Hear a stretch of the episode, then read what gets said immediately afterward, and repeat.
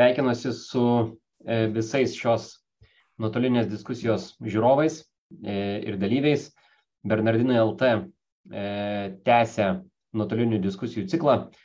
Beveik prieš mėnesį kalbėjome apie Rusijos brandolinius grasinimus, galima vakarų atsaką ir, ir, ir šią temą, o šiandien kalbėsime visai, na, vis, truputį kita tema, tai yra apie mūsų pačių valstybės ir visuomenės vidaus pasirašymą dienai X. E, todėl ir šios diskusijos tema taip ir suformuoluota, ar būtume pasiruošę dienai X.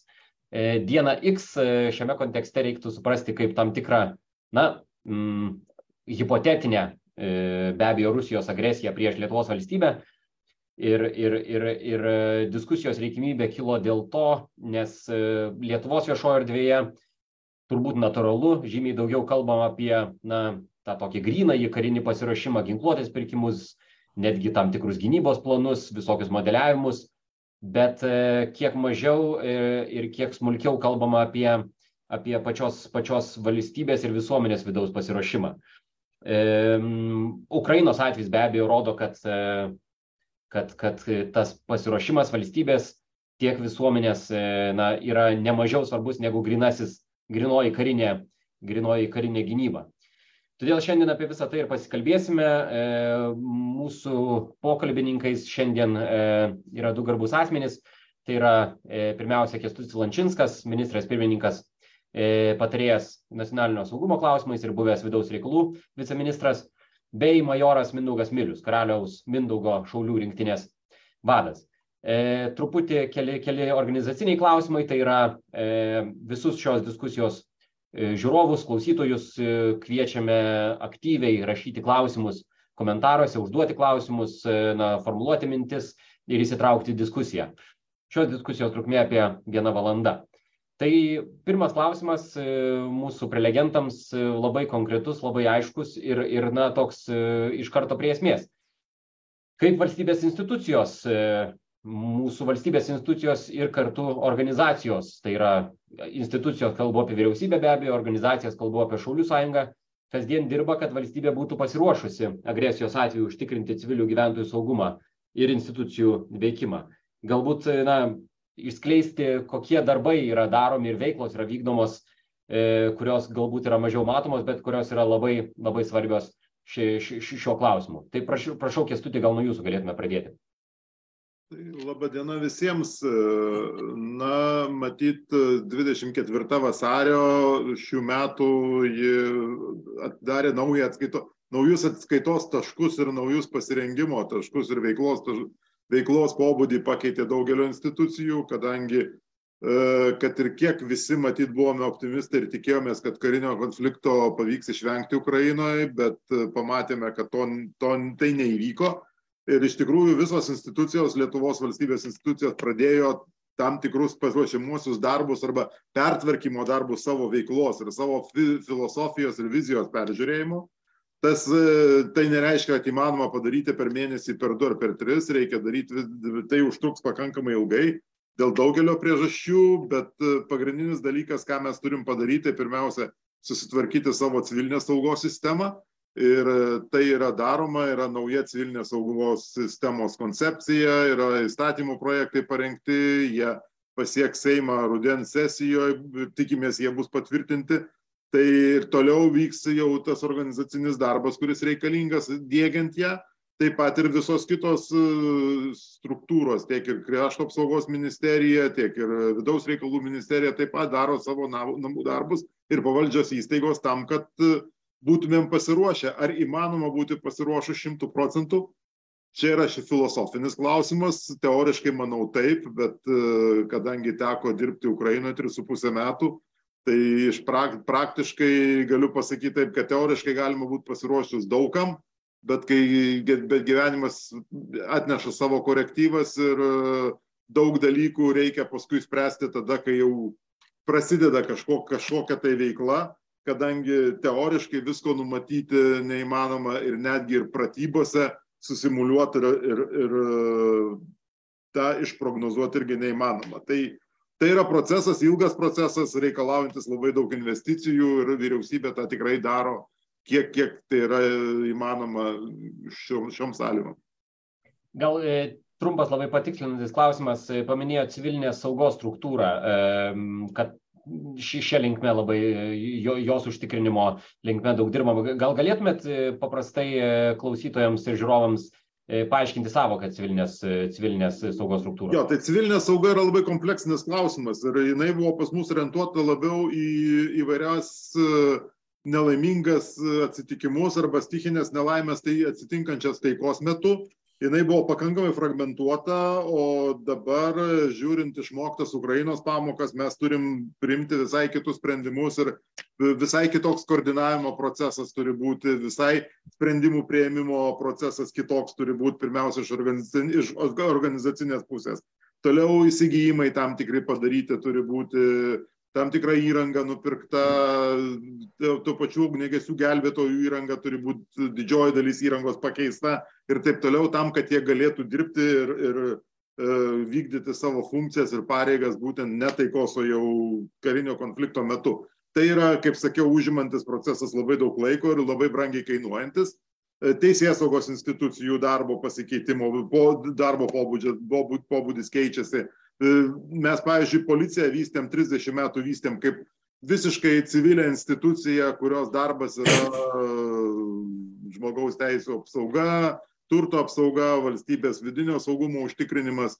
O Ukrainos vėlgi išmoktos pamokos rodo, kad policijos vaidmuo yra visiškai kitoks ir jis yra labai svarbus, už, pridengiant užnugarį kariuomenės, e, vykdant uh, E, diversijų įvairiausių, prevencija ir taip toliau. Tai vėlgi keičiasi pati filosofija veiklos ir keičiasi veiklos metodai. Reikia žmonės tam paruošti, reikia juos apginkluoti ir taip toliau. Tai labai labai ilgas, kaip sakiau, ir labai brangiai kainuojantis darbas, kurį reikia padaryti mums visiems.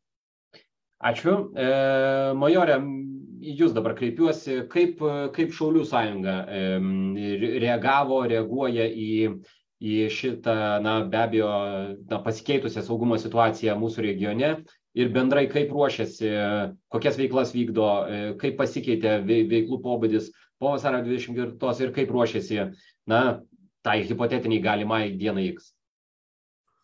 Sveiki. Tai pirmiausiai galbūt e, pritarčiau e, ponui Kestučius dėl pasisakymo, kad apskritai turbūt neegzistuoja tokia situacija, kada galėtume pasakyti, kad esame pasiruošę. Visada bus e, naujos situacijos, e, vienus parengėm, ateina nauji žmonės, kasme pasikeis e, kariavimo erdvės, kaip šiuo metu atsiranda elektroninė erdvės, pasikeičia priemonės, bepiločiai orlaiviais metainot, ta erdvė yra kintanti.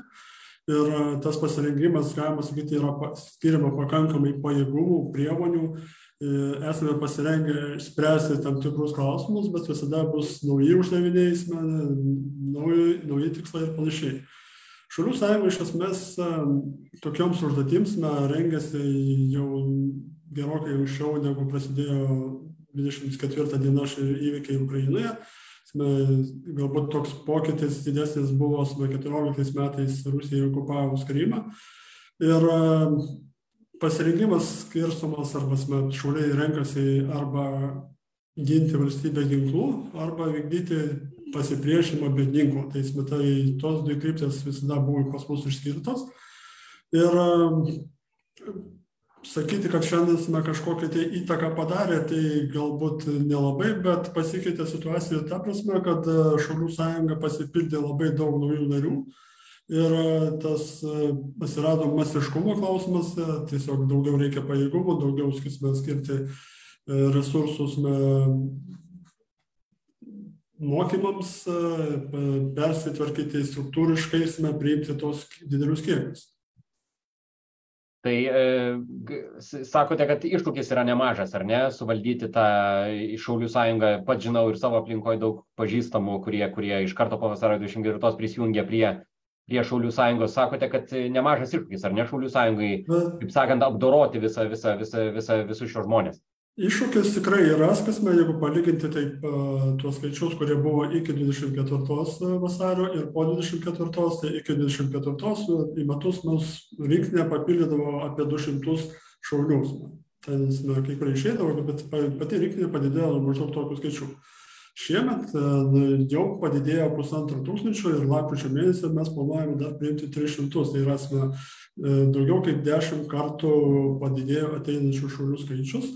Ir vertinant tai, kad rinktinėje yra tik tais, buvo iki šiol septyni etatai, dabar gavome šiek tiek papildymą, tai plečiamas.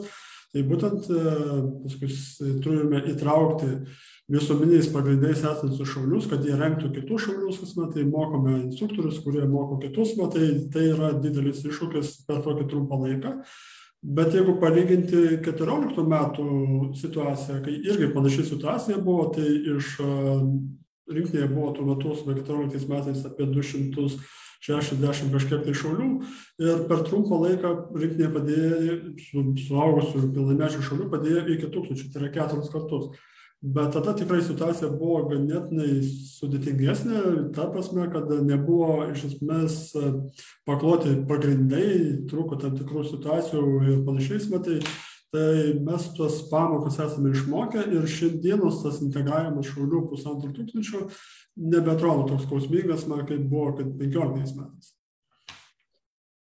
Kestuti, dar vienas jums trumpas klausimas apie vieną infrastruktūrinę klausimą mūsų valstybėje, kuris, kuris, kuris po Ukrainos, Ukraina, po Rusijos karo prieš Ukrainą vėl aktualizavosi, tai yra situacija su slėptuvėmis. Labai, labai, labai elementarus klausimas atrodo. Žinome, buvo nemažai rašyta, buvo daug, daug kalbėta, kad turime iš, es, iš esmės nuo sovietmečio daug tų slėptuvių, bet kokia dabar situacija yra? Tai matyt, aš pasi, pataisysiu jūs trupučiuką. Mhm. Mes turėjome nuo sovietmečio labai daug slėptuvių, bet mes jas 30 metų sėkmingai privatizavom, griovėm biliardinės ir, ir, ir bowlingo pasilinksminimo vietas įrenginėjom dėl to, kad galvojom, jog karo niekada nebus ir mums tų slėptuvių nereikės. Tai dabar per pusę metų pakeisti situaciją yra praktiškai visi suprantam, kad neįmanoma. Reikia dėliotis visus variantus įmanomus ir, ir, ir žiūrėti, ką mes galim, padaryti, ką mes, ką mes galim dabar padaryti.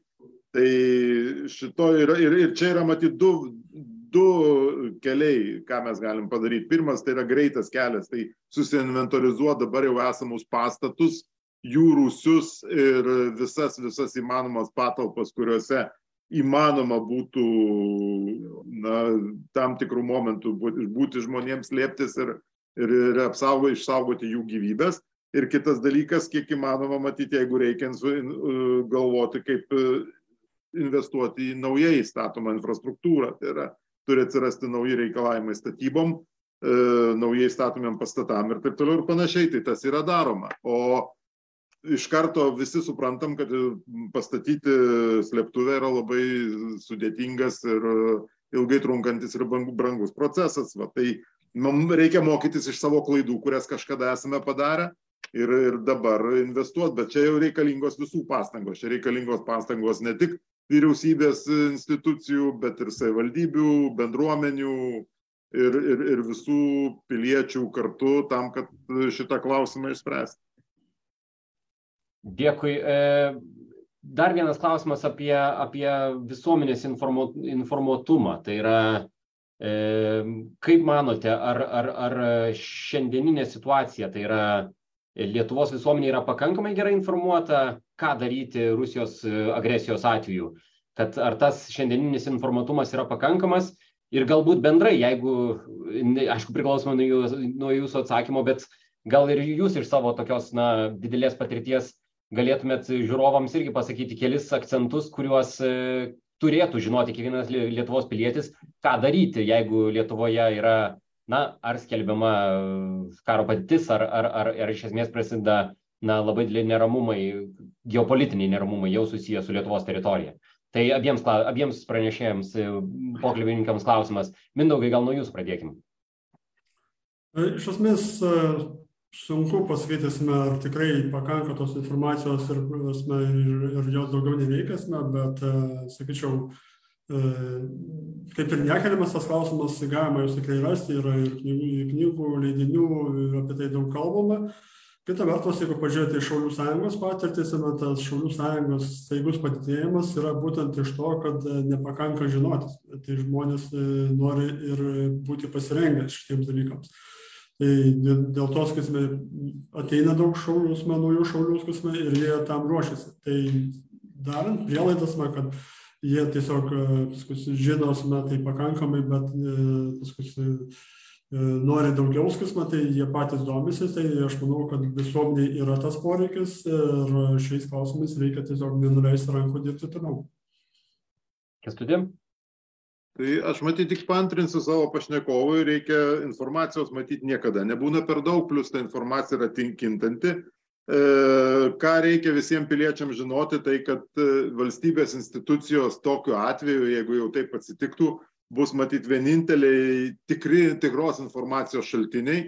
Tai reikia pasitikėti ir klausyti valstybės institucijų pirmiausiai. Antras dalykas kuo mažiau tikėti įvairiausiais pranašais ir ir ir įvairiausiom sąmokslo teorijom kurios sklinda ir dabar e, viešojoj erdvėj ir ypač socialiniuose tinkluose tai mokėti informaciją arba mokytis informaciją vertinti kritiškai E, uždavinėti daug klausimų pačiam savo galvoje, ieškoti atsakymų ir, ir taip rasti tuos atsakymus teisingus. O jeigu reikia kalbėti apie tai, kaip kiekvienas pilietis turėtų ruoštis, tai pirmiausia yra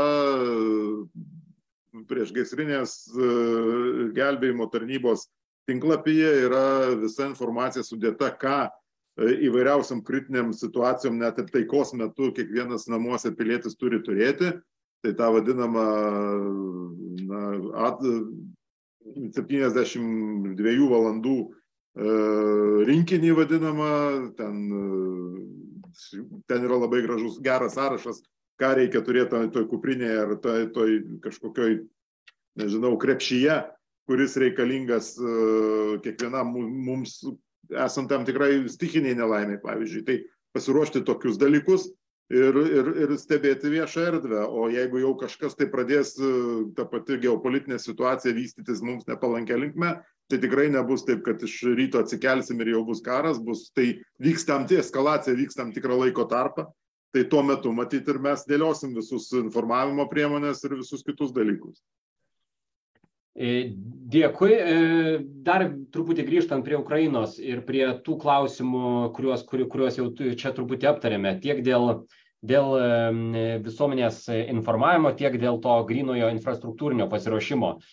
Iš dalies jūs atsakėte jau šitą klausimą, kad e, na, tinkamai iki galo niekada negali žinoti, ar, ar yra pasiruošta, ar, ar bus pasiruošta, bet, bet ką mes pamatėme, vat, vat būtent iš šitos pusės ir, ir ar Ukraina iš esmės buvo tinkamai pasiruošusi, e, pirmiausia, Mindaugo klausiu, va ta tokia, na, visuomenės mobilizacijos prasme, nes turbūt mums atrodo, kad visai gal ir neblogai, bet, bet turbūt, bet, e, na, manau, kad jums e, truputį išsamesnė informacija yra prieinama, e, vat būtent visuomenės mobilizacijos prasme ir kartu, kartu to, tų organizacijų veikimo ir pilietinio pasipriešinimo prasme. E, Mindaugai, pirmiausia, jums šis, šis klausimas, po to kestučiui truputį, truputį, truputį pakreipsiu.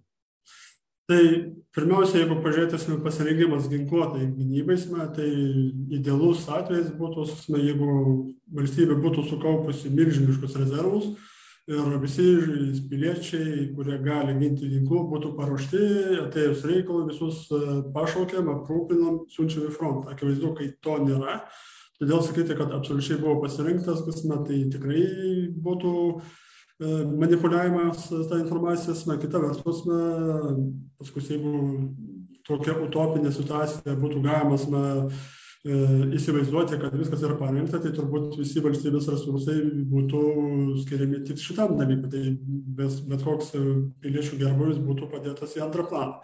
Tai visada yra toks na, požiūris, na, kad e, tikriausiai mūsų niekas nepuls, na, kad e, to karo nebus. Na, yra protingumo kriterijus, na, kad skirti tam tikrą lėšų kiekį, sakysime, pasirinkimui.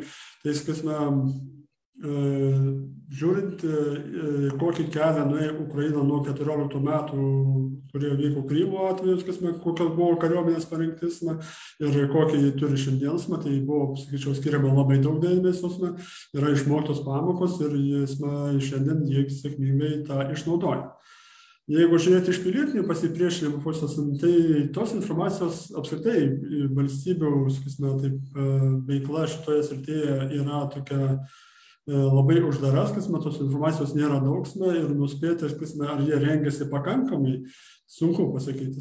Tai kaip jie veikia, tai visuomenė yra, sakysime, taip e, pilietiška ir kritiškai mąstanti. Tai yra du kriterijai, kurie, sakysime, tą pilietinį pasirinkimą ir pasako, sakysime, jeigu paskui jie tiesiog neišeitų į gatves, nebūtų matę tų visokių akcijų, e, visų išėjimų prieš šarvuotą techniką ir panašiai, tai, tai tikrai galėtumėm sakyti, kad jie nesirinkė ir e, nieko nedarė, bet tai tikrai vyko.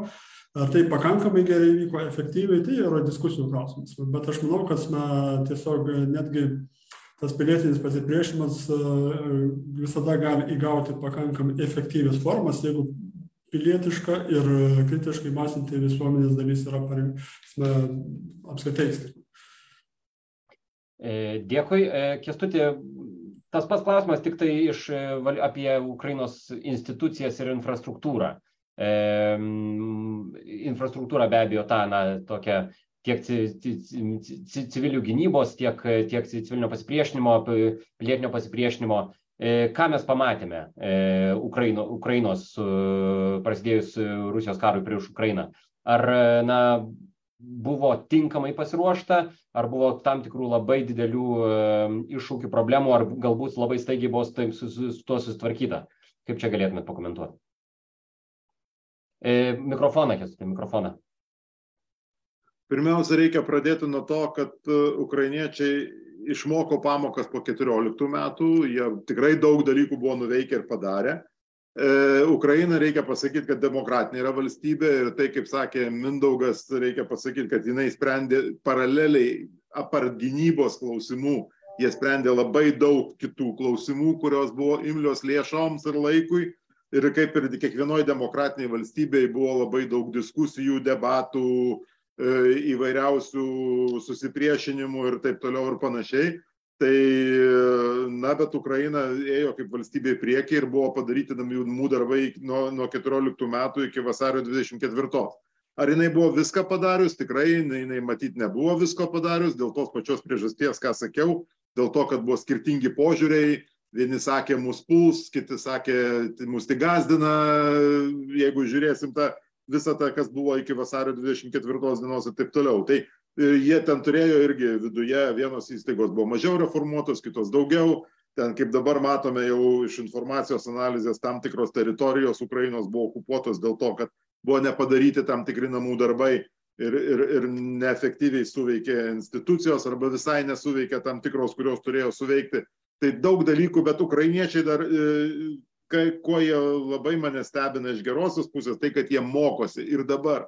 Ir kiekvieną dieną jie darosi vis kitokie iš tų savo padarytų klaidų, daro tam tikras išvadas, mokosi ir eina į priekį. Tai jeigu, pas, jeigu galim pasakyti, kokie ukrainiečiai buvo vasario 24 dieną ir šiandien lapkričio 8, tai jie yra jau visiškai kitokie, nes jie išmokė labai daug pamokų, kurios atnešė būtent grinai grinai praktika, praktinė veikla, o ne teorinis modeliavimas. Nes, kaip aš sakiau, galime būti labai gerai teoriškai pasiruošę, bet kai reikia kaimyną laidoti savo kieme, tas teorinis pasiruošimas jis e, išnyksta labai greitai.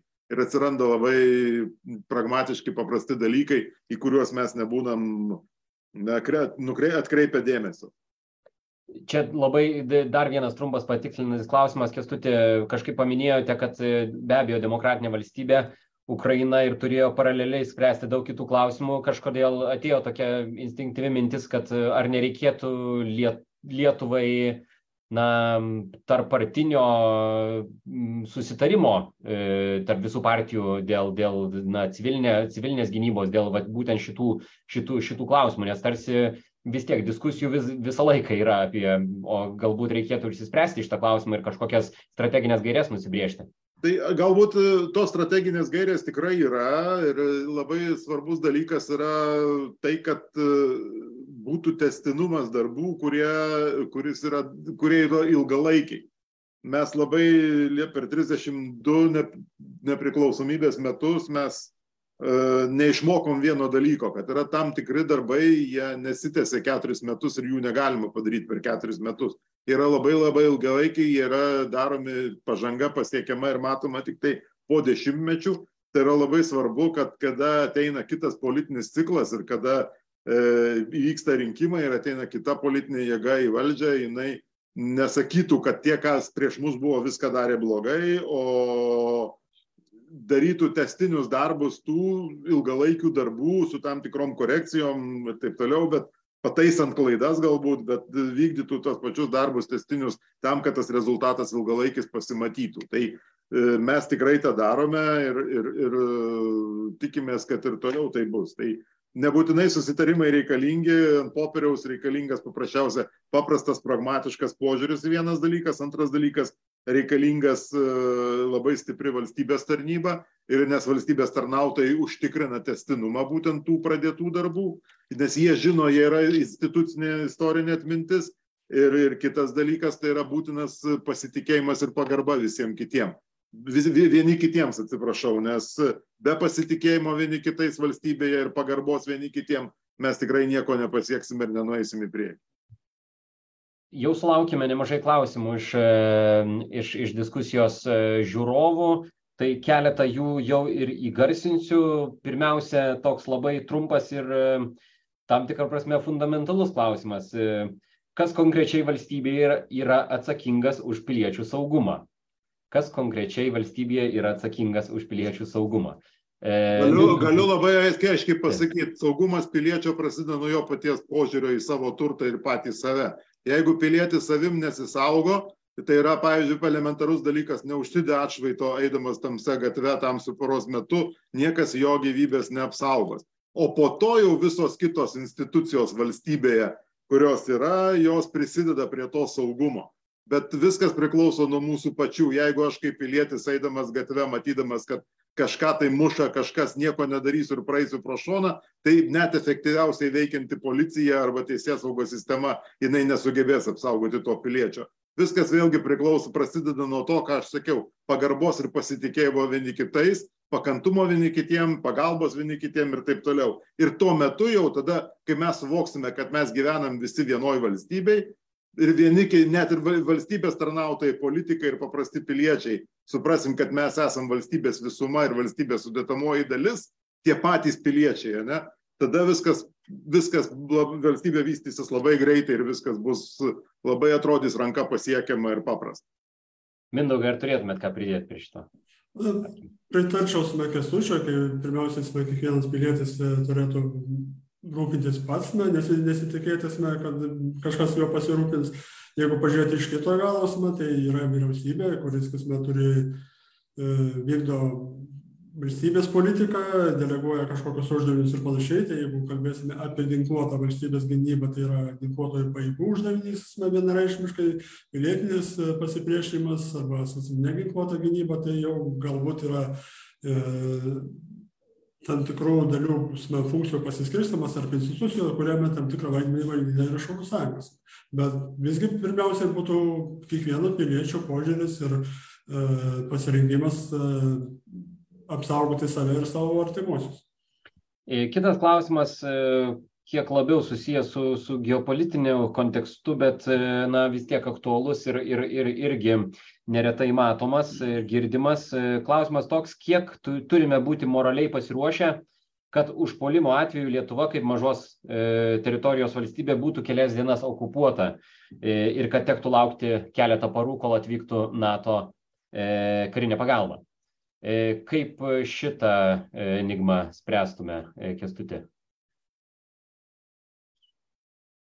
Tai yra, yra parengti gynybos planai, mūsų kariškiai, mūsų kariuomenė ir, ir, ir kiti, kitos institucijos ir struktūros tikrai tos planus ne vieną kartą yra peržiūrėję ir, ir, ir vykę pratybos ir taip toliau. Tai matyt, taip ir yra, o konkrečiai kalbėto, kas būtų, kaip būtų, tai čia jau matyt yra valstybės paslaptis ir neįmanoma to papasakoti detaliai, kaip tas būtų. Taip. E, Mindaugai. Sunku būtų tiksliai pasakyti, hipotetiškai tai gali būti, kad bus rokuota dalis teritorijos ar visa valstybės, bet paimkime mūsų, sakysime, kad ir mūsų lyderius, tai paimkime generolą Joną Žemaičią, kuris paskutinėje kalboje pasakė, kad jis tiki, kad jo darbas duos rezultato, tai šiandien mes tą rezultatą turime. Tai yra toks ilgas laikotarpis, tai, tai tiesiog kiek reikės, tiek turime būti pasirengęs. Teisme, kol Lietuva vėl bus laisva, jeigu taip, taip nutikės, kad jį būtų okupuota. Mhm. Dar vienas klausimas yra toks, kokias klaidas darome ruoždamiesi dienai X, kas ir kas trukdo pasiruošti. Gal truputį praplėsiu ir, na, būtent apie vis dar esamus didžiausius iššūkius tiek iš valstybės institucijų perspektyvos, tiek iš visuomenė, tiek iš Šaulių sąjungos organizacijos ir taip, kaip jinai mato ir veikia. Na, kokie, ko, ne, kokie trikdžiai, sakykime, ir iššūkiai. Mindaugai, gal nuo jūs pradėkim. Taip, tai trikdžiai arba sakysime paskui tai pirmiausiai šaulių sąjunga kaip ir rengiasi rengia paskaitas dirba grupėse pratybas organizuoja įvairias sakysime tai tai lygtais daugiau ar mažiau sakysime tai yra daromas na bet tai daroma yra šaulių sąjungos viduje ir jeigu pažiūrėsime šiandien šaulių sąjungos yra keturiolika galbūt penkiolika tūkstančių šaulių na įskaitant jaunuosius šaulius sakysime tai tai yra maža bendruomenės dalis visuomenės dalis. Kad būtų masiškai plačiau tai daromas, matai, galbūt reikės, reikėtų na, ir kažkokios na, kitokių priemonių, kad eitumėm į visuomenę.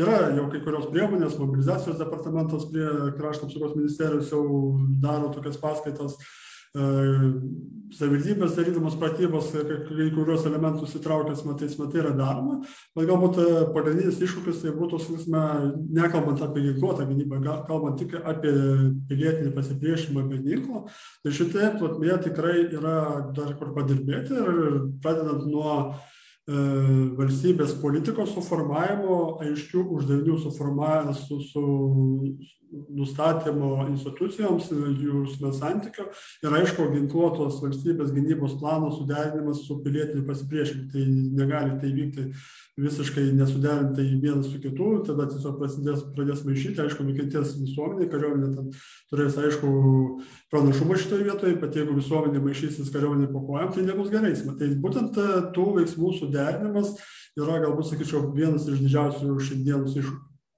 Mhm. Kestutė iš valstybės institucijų pusės Ar turėtumėt pridėti? Iš valstybės institucijų pusės matyti reikia paminėti du dalykus. Tai vienas dalykas, kad reikia šiuo metu dirbti su keliom krizėm vienu metu. Tai yra ne tik pasirengimas, kaip jūs sakote, hipotetiniai dienai X ir, ir gynybai, bet mes turime ir ekonomikos iššūkių, socialinių iššūkių susijusių su kainų didėjimu, verslų ekonomikos palaikymo, kompensacijos įvairiausios dėl elektros ir, ir kitų energetinių išteklių ir visi kiti dalykai.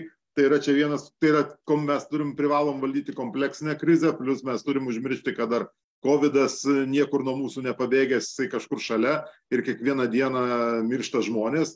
Tiesa, ne, ne tokiais kiekiais, kur buvo anksčiau, bet vis tiek tas yra ir, ir įvairiausios kitokios krizės. Tai čia vienas dalykas. Antras dalykas yra, manau, dar tam tikras, na, ne tai, kad skepticizmas, bet vėlgi tam nenoras tam tikros visuomenės dalies suprasti, kad visuomenė irgi turi tame dalyvauti ir turi tam renktis Ir čia matyt susisieja su mano tas pasakymas, susijęs su tuo, ką sakė Mindaugas, kalbant apie pilietinio pasipriešinimo klausimus, nes labai dažnai skaitant komentarus socialiniuose tinkluose, man atrodo, kad daug kas sėdė ant sofos ir, ir politikuoja ir pat laukia, kol kažkas už juos padarys kažkokius namų darbus. Tai šitoj situacijoje noriu pasakyti, kad na, nėra tokios valstybės ir tokio stiprumo institucijų valstybinių, kurios kažką galės padaryti už visus. Visi turi, na, tam ruoštis ir visi save psichologiškai būti pasiruošę. Jeigu mes esame piliečiai ir gyvename šitoj valstybei, tai mes tą savo valstybę turime būti pasiruošę vienai per kitaip ginti. Vieni su ginklu, kiti kaip piliečiai priešintis ir dalyvauti tame pasipriešinime, treti organizuojant pagalbą kariaujantiems savo kariškiam ir kitiem, kitom institucijom ir taip toliau. Tai daug dalykų yra, iš ko, daug dalykų, kurių mes galime pasimokyti iš ukrainiečių.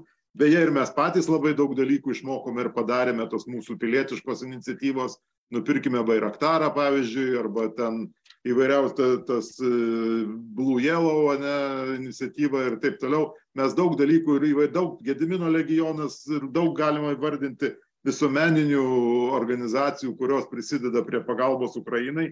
Ir tai yra gerai, mes matome, kiek ta mūsų visuomenė užaugusi ir kiek mes galime vieni, kitais, vieni kitiem pagelbėti ir, ir, ir būti ramšiais vieni kitiem.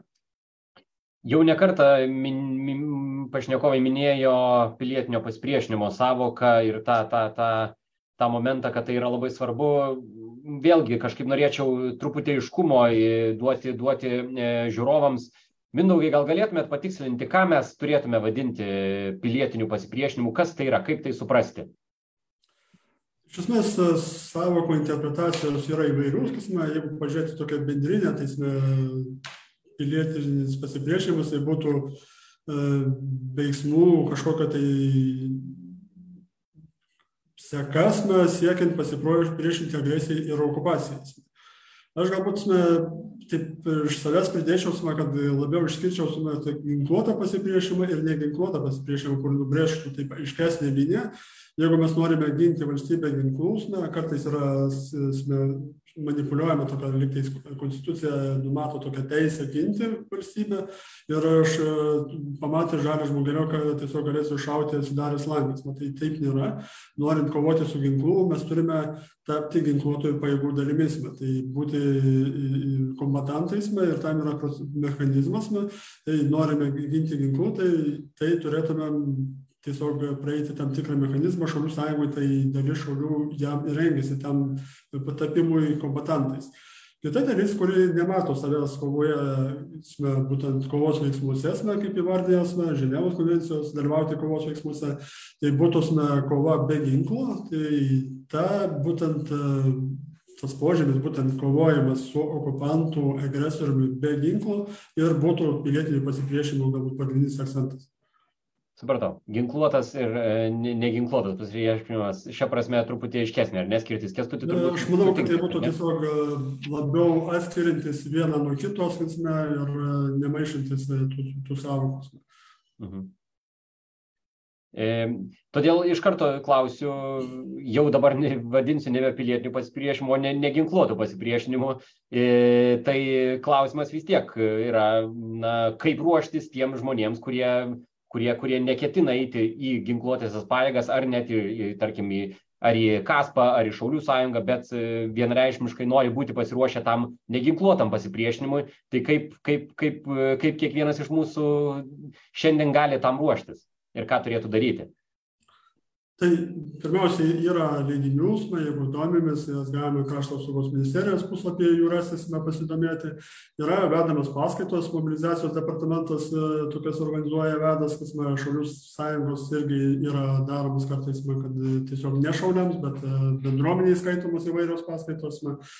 Kita vertus, man, reikėtų tą neginkluotą pasipriešinimą suprasti plačiaja prasme. Tai tos pačios paminėtos pono Kestučios akcijos dėl Bairaktaros, kas Blue Yellow, tai yra iš esmės taip pat pilietinio pasipriešinimo forma. Ir tos organizacijos e, apjungia aktyvius piliečius ir pasako būtent tokį veikimo būdą, kad mes padėsime ukrainiečiams e, taip ir taip, lėšų surinkimas, nupirkimas priemonės, jos nugabenimas E, daug vyksta įvairius, kas priemonių gabenamas, kas maskuojami tinklai, įvairios medicinos priemonės, panašiai viskas yra vežama į Ukrainą. Tai iš esmės yra tos pačios priemonės. Dalyvavimas tokioje veikloje šiandien paremant Ukrainą, tai yra tas pats pasirinkimas. Tai... Mhm. Kestudė, ar turėtumėt ką pridėti? Tai Mindaugas puikiai viską paaiškino, yra tas pats pasirengimas ir mes, mūsų daug piliečių tame dalyvauja. E, dar matyti tik tai tiek, kad tas ginkluotas, neginkluotas yra labai saliginis dalykas, kadangi jeigu mes kalbėsime apie tai, kad jeigu mūsų piliečiai, kaip Ukrainos dalis piliečių atsidūrė okupuotai teritorijoje, ten jau tada įsijungia visai kiti pasipriešinimo principai ir e, ten jau matyti viskas priklauso nuo to, kiek e, tie piliečiai gali organizuotis jungtis į tam tikras grupės, kokią veiklą jie gali daryti ir taip toliau. Ta pati Ukraina parodė, kad vieni regionai labai sėkmingai jungiasi į partizanį judėjimą ir, ir ginkluotą netgi pasipriešinimą, kitose regionuose tas vyksta pasyviau. E, na, čia jau, jau vėlgi nuo konkrečios situacijos priklauso. Dar vienas klausimas e, bendrai žvelgiant į, į regioną, į mūsų kaiminės valstybės. E, gal turime kažkokių įdomių, įdomių pavyzdžių, kaip, kaip visiems šitiem procesams ruošiasi, galimiems procesams, galimoms, galimiems scenarijams ruošiasi mūsų kaiminės, ar, ar tai būtų Lenkija, ar, ar Baltijos kitos valstybės, ar, ar, ar Suomija, ar turėtume ko iš jų galbūt pasimokyti, Mindaugai? Tai gal mažai aš esu analizavęs su kitų valstybių patirties, bet pasakysiu, šitas Estija, kaip pavyzdys, turi analogišką instituciją kaip ir Šalių sąjunga, galbūt biškai kitokie principai. Panašiai organizacija yra ir, ir Latvijoje. Dėl Lenkijos turi jie ten panašių organizacijų kaip Šaulių sąjungos, bet jeigu pažiūrėsime iš principo Lenkijos bendruomenės, kas matai, jie yra labai tokie kartais netgi šovinistais savo valstybės atžvilgius, kas matai, bet tai yra iš esmės valstybėje vyraujanti tokia, sakysime, kritinio mąstymo, paskui politika, sakysime, ir kurį tą bendruomenę pas, taip lėktis ir išugdo tam dalykui.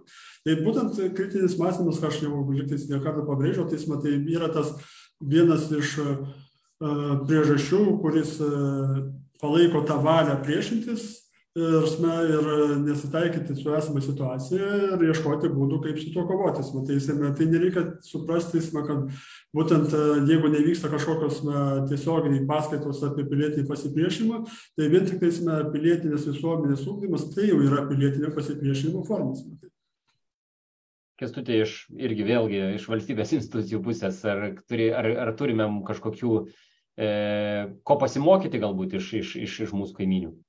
Na, jūs paminėjot Suomiją, tai matyti iš Suomijos reiktų pasimokyti būtent e, kritinio mąstymo ir testinumo užtikrinimo tam tikrų ilgalaikių veiksmų, kurie arba ilgalaikės veiklos, kurie yra susijusi su su valstybe, valstybės funkcionavimu, valstybės institucijų funkcionavimu ir pasirengimu valstybės gynimui. Tai aš tai siūlyčiau visiems pasiskaityti, pasidomėti, kaip, kaip Suomija gyvena ir kodėl jie yra būtent viena iš sėkmingiausių, vienas iš sėkmingiausių pavyzdžių mum. Ir galėtumėm, daug esame padarę, bet galėtumėm daug, daug pasiekti ir padaryti, jeigu pasimokytumėm iš jų.